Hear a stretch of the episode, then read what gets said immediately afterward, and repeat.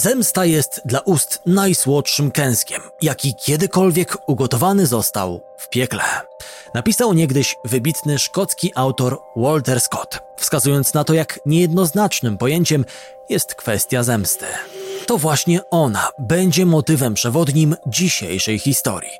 Opowiada ona o chińskim mężczyźnie, który przez ponad 20 lat nosił w sobie pragnienie odwetu na tych, którzy skrzywdzili jego matkę. To uczucie nie zgasło w nim nawet na chwilę. Zhang Koukou, bo o nim właśnie mowa. Jako dziecko na własne oczy zobaczył, jak w wyniku bójki umiera jego rodzicielka. W przypadku Zhanga założenie mówiące o tym, że czas leczy rany, miało niewiele wspólnego z rzeczywistością.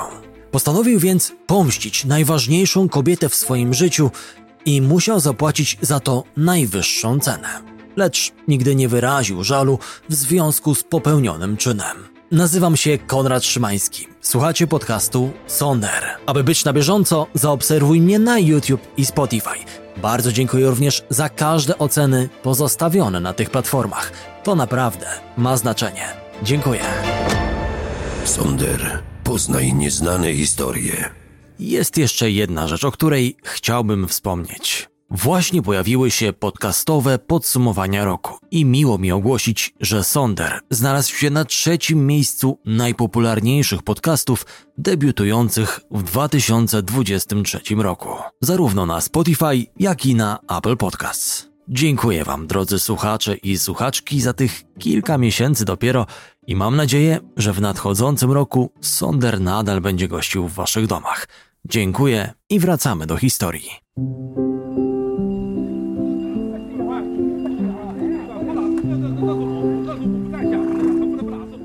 Pod koniec ubiegłego wieku w jednej z wiosek położonych w obrębie miasta Hanzhong w środkowych Chinach ludzie spędzali czas głównie na rolnictwie. Zhang Koukou mieszkał tam razem ze starszą siostrą oraz rodzicami. To właśnie na tym terenie doszło do dwóch rozłożonych w czasie tragedii.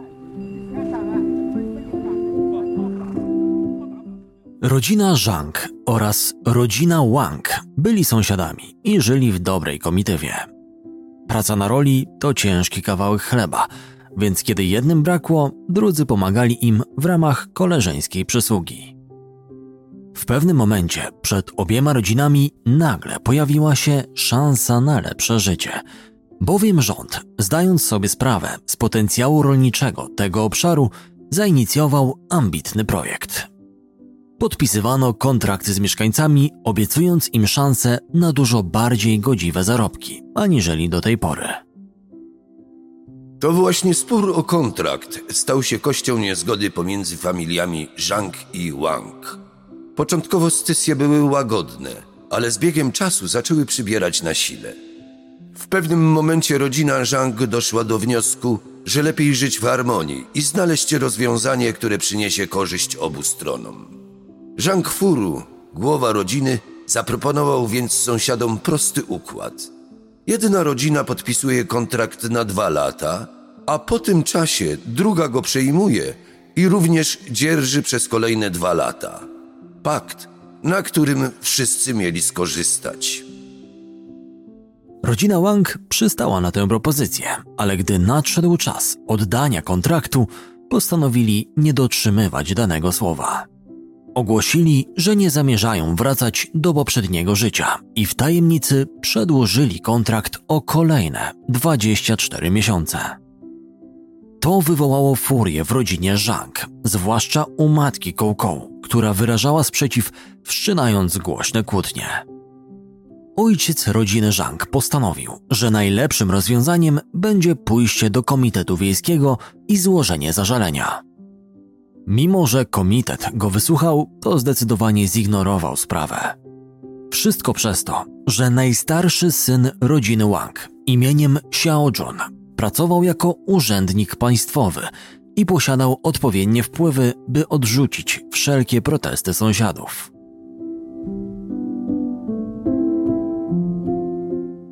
Tak oto narodził się potężny konflikt. Rodzina Wang okazała się niehonorowa i złamała dane słowo. awantury między tymi zwaśnionymi klanami eskalowały coraz bardziej. A finał tych nieporozumień przypadł na 27 sierpnia 1996 roku. To właśnie tego dnia matka Zhanga Koukou wzięła go na spacer nad pobliski strumień. Ale przechodząc obok domu rodziny Wang, zaczęła ostro drzeć koty z ich dwoma synami i ojcem, Wang Zishinem. Kobieta miała splunąć na jednego z nich. Doszło pomiędzy nimi do gwałtownej przepychanki. Najmłodszy syn rodziny Wang imieniem Zhengjun ponoć miał otrzymać od niej cios metalowym narzędziem i w odwecie zaatakował ją grubym drewnianym kijem, bijąc prosto w głowę. Kobieta upadła na ziemię, a z jej skroni popłynęła stróżka krwi. Do tych dramatycznych zdarzeń doszło na oczach Coco, który miał wówczas zaledwie 13 lat. Matka umierała mu w ramionach, dławiąc się własną krwią, co już na zawsze zapadło mu w pamięci. Pan Zhang Furu próbował uratować życie swojej żony, jednak do najbliższego szpitala było bardzo daleko. Kiedy już udało się zorganizować transport, na pomoc było już za późno. Jej zgon stwierdzono o godzinie 22 a szpital, do którego pojechali, był małą prowincjonalną placówką i nie był w stanie przyjąć ciała, więc rodzina Zhang musiała zabrać się z powrotem do wioski. Po zawiadomieniu policji, ta wysłała na miejsce lekarza medycyny sądowej, by zbadał zwłoki. Ze względów technicznych sekcję przeprowadzono w budynku spółdzielni zaopatrzeniowej przy udziale wielu gapiów. Te niezwykłe sceny pokazują, jak wówczas w wielu przypadkach wyglądała chińska prowincja i jej zacofanie. Koł Koł patrzył na martwą matkę w spokoju, kumulując całe cierpienie w środku. Jeden z jego przyjaciół po latach wspominał tamte wydarzenia.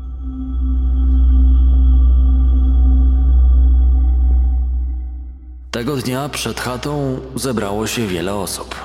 Kołką i ja przeszliśmy przez ludzką ścianę i zobaczyliśmy przerażający widok.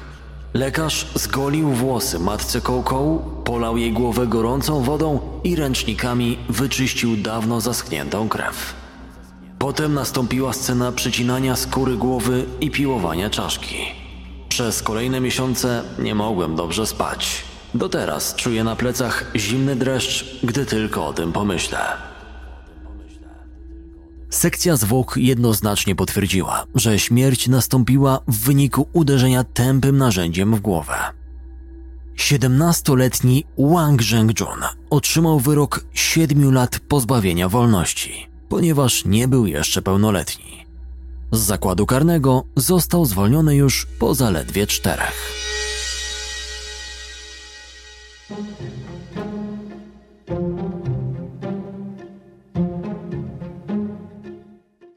W równoległym procesie rodzina Zhang złożyła pozew cywilny, domagając się rekompensaty w wysokości 250 tysięcy juanów.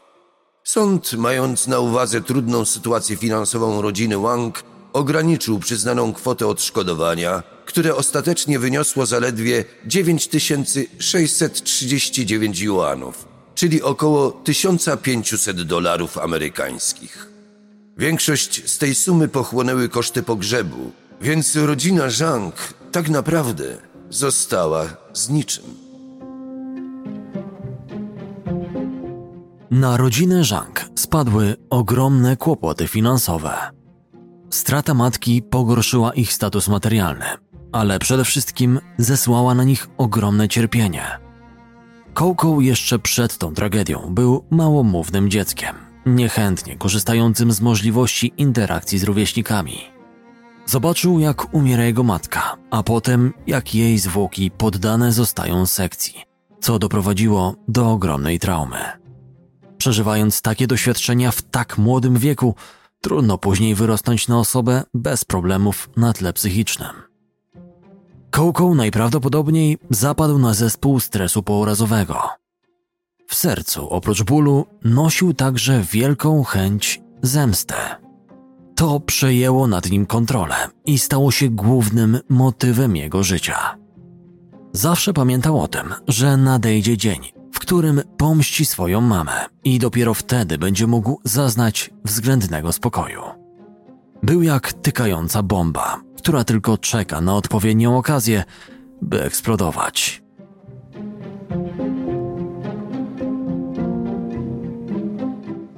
Ukończeniu gimnazjum rzucił szkołę i próbował pracować tu i ówdzie, lecz jego zarobki były marne. Dręczyły go demony związane z wioską, więc postanowił wstąpić do wojska, by jak najdalej uciec od miejsca, w którym przykre wspomnienia są najbardziej wyraziste. W wojsku spędził dwa lata i radził sobie tam znakomicie. Dostawał liczne pochwały od dowódców, a z jednym z nich nawiązał wyjątkową relację.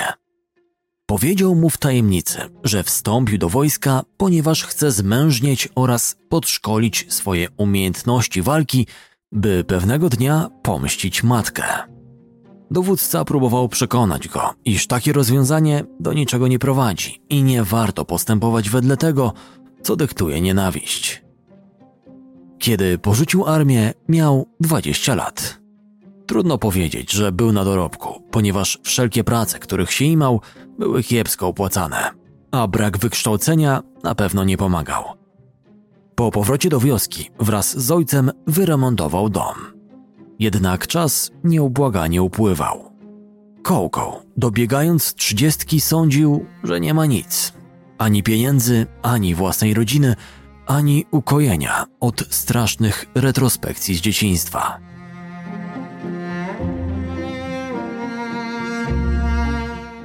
Nie mógł znieść natrętnych myśli, że gdyby matka żyła, wszystko byłoby lepsze. Czary goryczy przelał widok znienawidzonych sąsiadów, którym wiodło się bardzo dobrze. Wybudowali nowy dom, a trzech braci Wang, w tym cieszący się już wolnością Zhengjun, przeniosło się do miasta i stać ich było nawet na to, by każdy mógł kupić sobie dobry samochód. Siostra Kołkoł wyjechała i wyszła za mąż, co jeszcze bardziej przygnębiało samotnego mężczyznę. Kiedy pracował lub wyjeżdżał w poszukiwaniu lepszej pracy, jego ojciec, Zhang Furu, każdego dnia remontował ich rodzinny dom, dobudowując drugie piętro. W Chinach, zwłaszcza na prowincji, aby mężczyzna ożenił się z kobietą, musi posiadać dom. Pan Zhang robił wszystko, by poprawić wygląd i funkcjonalność budynku, ponieważ marzył, aby syn mógł założyć rodzinę i był wreszcie szczęśliwy.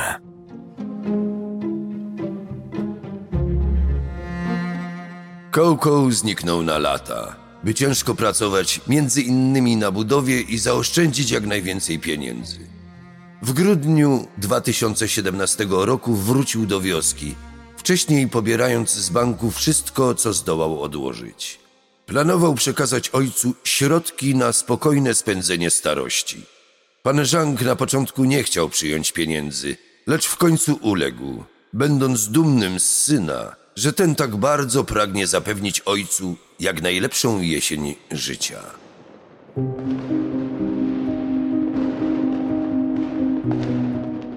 16 lutego 2018 roku odbył się Chiński Nowy Rok, czyli najważniejsze święto w państwie środka.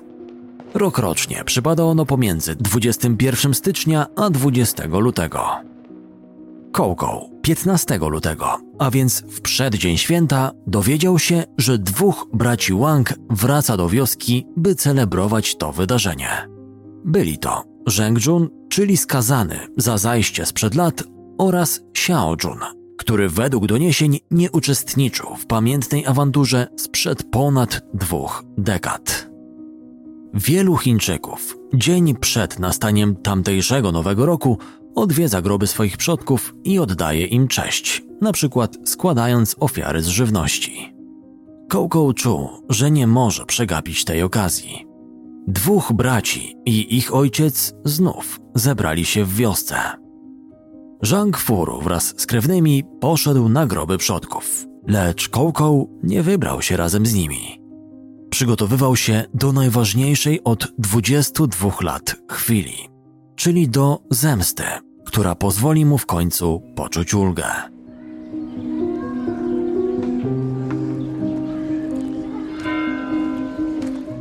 Około południa dwóch braci Wang ruszyło z koszami pełnymi darów na groby bliskich. Kiedy wracali, Kołkoł założył kapelusz, maskę i zaczaił się na nich. Wyczekawszy odpowiedni moment, napadł na mężczyzn i zadał im wiele ciosów nożem.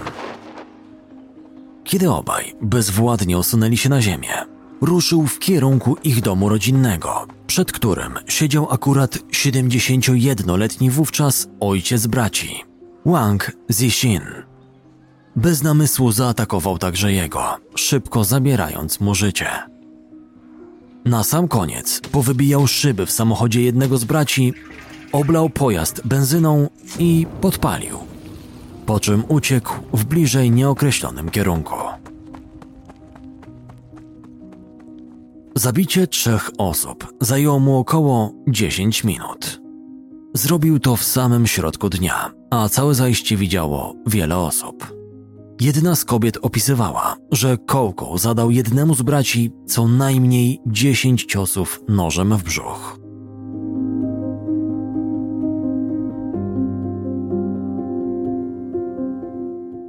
Dwa dni po popełnieniu brutalnych czynów Kołkoł dobrowolnie oddał się w ręce policji, a jakiś czas wcześniej wyrzucił narzędzie zbrodni do rzeki i spacerował po okolicy.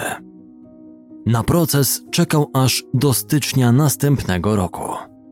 Zapytany o powody swoich zbrodni, odrzekł krótko: Zemsta.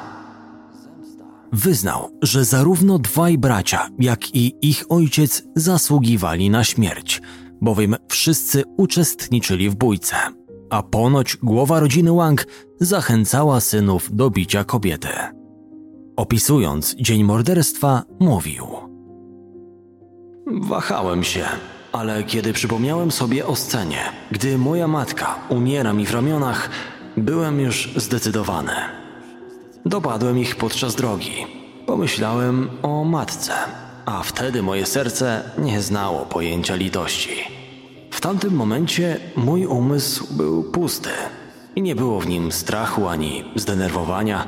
Byłem jak żywy trup, który nie może się powstrzymać przed zadawaniem ciosów. Kołkoł przyznał się do winy, a dowody były niezbite. Mężczyzna wiedział, iż dzień przed chińskim Nowym Rokiem nadarzy się okazja, by dorwać całą rodzinę Wang. Zaplanował wszystko z zimną krwią. Działał umyślnie i nad wyraz brutalnie. Poczucie krzywdy sprzed lat to za mało, by być okolicznością łagodzącą. Trudno uznać, że działał w afekcie lub w wielkich emocjach, kiedy miało na choćby częściowe zaleczenie ran tak dużo czasu. Na złagodzenie wyroku nie było więc najmniejszych szans. O niepohamowanej chęci zemsty mówił otwarcie. Dodatkowo na jego social mediach odkryto wpisy sprzed lat, w których wyraża swoje uznanie i szacunek dla pewnego Chińczyka, który w 2001 roku, podobnie jak on, pomścił swoich bliskich. Bohater, składam ci hołd, napisał pod jednym z artykułów na ten temat. Sonder, poznaj nieznane historie. Zaobserwuj podcast i zaznacz dzwonek. Dzięki temu nie ominiesz żadnego odcinka.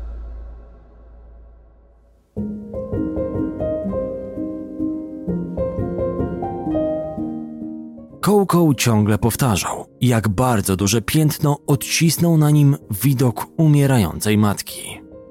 Prokuratura twierdziła, że drzemiąca w nim agresja spowodowana była słabym statusem społecznym, brakiem własnej rodziny i szeroko pojętą frustracją.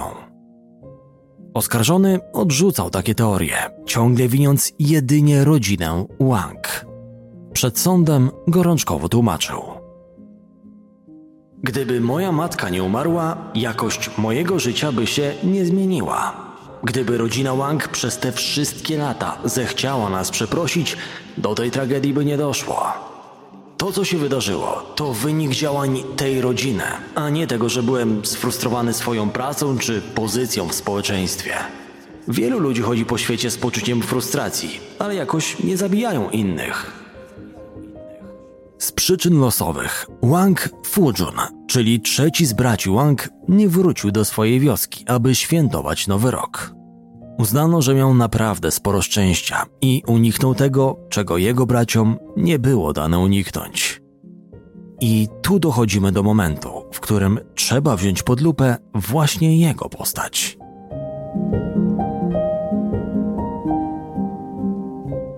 Kilka lat po ogłoszeniu wyroku pan Zhang Furo złożył oficjalną skargę do pośredniego sądu ludowego w Hanzhong. W piśmie datowanym na 13 lipca 2001 roku postulował, aby sprawca został surowo ukarany, przywołując słynną zasadę oko za oko, ząb za ząb. Żądał również ukarania ojca rodziny Wang, który miał podczas śmierci jego żony kierować swoimi synami i nagabywać ich do ataku. W tym oficjalnym piśmie pan Zhang Furu jasno dał do zrozumienia, że winnym jest najmłodszy syn sąsiadów Zheng Jun. Ale kiedy jednak Kołką zabił trzech członków rodziny Wang, zarówno pan Zhang Furu, jak i jego córka uparcie twierdzili, że to nie Zheng Jun wyprowadził kobiecie zabójczy cios. Oboje twierdzą, że mordercą jest jego brat Fujun. Właśnie ten, którego nie było w wiosce, gdy Kołkoł zabijał jego braci. Według rodziny Zhang winę za zabójstwo kobiety zrzucono na Zengjuna ze względu na jego wiek, który chronił go przed surową karą. Fujun był wówczas pełnoletni i zapewne czekałby go bardziej dotkliwy wyrok. Pan Zhang Furu, zapytany o to, dlaczego kiedyś sam wskazywał na Zhengjuna, bronił się niepamięcią. Ponoć zlecił komuś napisanie formalnego pisma, a osoba ta już od dawna nie żyje. Faktem jednak jest, że w rodzinie Zhang to właśnie Fujun postrzegany jest jako morderca. Kołkoł również o tym wiedział, choć nigdy publicznie tego nie zdradził. Ponoć chciał, aby Fujun cierpiał z powodu utraty bliskich, tak jak on cierpiał z powodu utraty matki. Oszczędził tylko jego i to było prawdziwą zemstą. Dalsze życie z ciężarem utraty kilku najbliższych osób.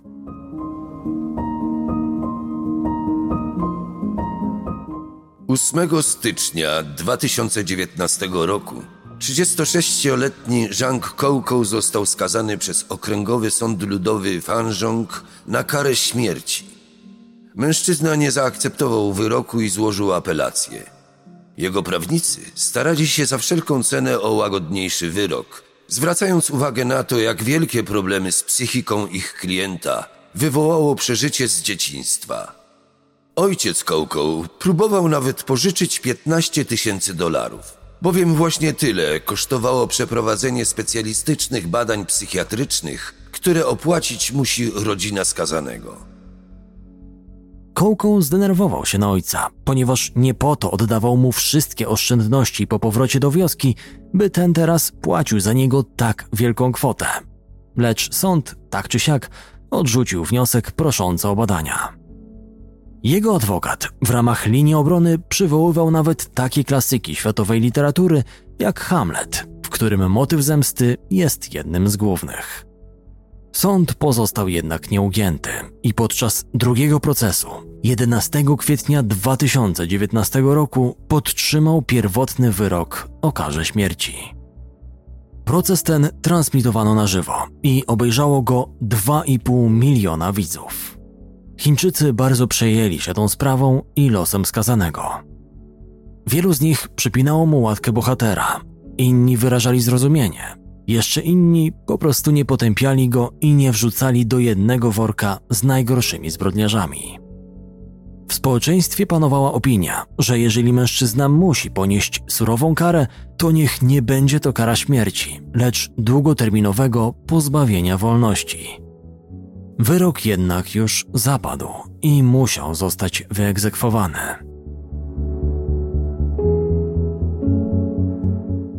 Zhang Koukou został stracony 17 lipca 2019 roku, a więc dokładnie 17 miesięcy po tym, jak oddał się w ręce policji. Tuż przed egzekucją pozwolono mu zobaczyć najbliższych. Kiedy ostatni raz w życiu popatrzył na ojca, rzucił tylko: Wszystko w porządku, tato. Nic jednak w porządku nie było. Zwłaszcza dla zrozpaczonego seniora, który po stracie żony musiał znieść też śmierć syna. Zhang Furu nie odebrał skremowanych szczątków syna, ponieważ uważał wyrok za niesprawiedliwy i nie chciał go zaakceptować. W końcu prochy zabrali ze sobą przyjaciele Kołkoł i pochowali je gdzieś w górach. Po cichu, bez pogrzebu i ceremonii. Ojciec czasami odwiedza to miejsce, by powspominać syna, choć, jak sam przyznaje, jest to dla niego niezwykle trudne zadanie. Dziennikarze dotarli do Wang Fujuna, którego rodzina Zhang uważa za prawdziwego mordercę matki. Mężczyzna jednak cieszy się wolnością i nie istnieją żadne dowody, które mogłyby przemawiać przeciwko niemu. W jednej z rozmów z mediami Fujun opowiadał, jak wyglądały jego stosunki z sąsiadami po wydarzeniu z lat 90. Od 2017 roku często wracałem do domu i czasami widywałem Zhanga Koukou. Od momentu śmierci jego matki nasze rodziny zerwały wszelkie kontakty. Po prostu jego ojciec, kiedy czasami mnie widzi, marszczy brwi i patrzy gniewnie. Koukou niejednokrotnie unikał kontaktu ze mną, a czasami stał na górze i dokładnie mnie obserwował. Zorientowałem się kiedyś, gdy byłem na podwórku, że stoi w swoim domu i na mnie patrzy. Sprawa Zhanga Koukou budzi wiele kontrowersji do dzisiaj i mocno polaryzuje ludzi. Wiele osób widzi w nim skrzywdzonego za młodu dzieciaka, który przez traumatyczne przeżycia nigdy nie zaznał szczęścia i ogarnięty rządzą zemsty szukał sprawiedliwości na własną rękę. Nie brakuje jednak opinii także o tym, że żaden samosąd nie powinien być usprawiedliwiany i za to, co zrobił Kołkoł, spotkała go właściwa kara. A co wy o tym sądzicie? Podzielcie się swoim zdaniem na temat tej sprawy w komentarzu na YouTube bądź w odpowiedzi na pytanie na Spotify. Konrad Szymański, kłaniam się nisko. Słyszymy się za tydzień, we wtorek, w kolejnym odcinku Sondera.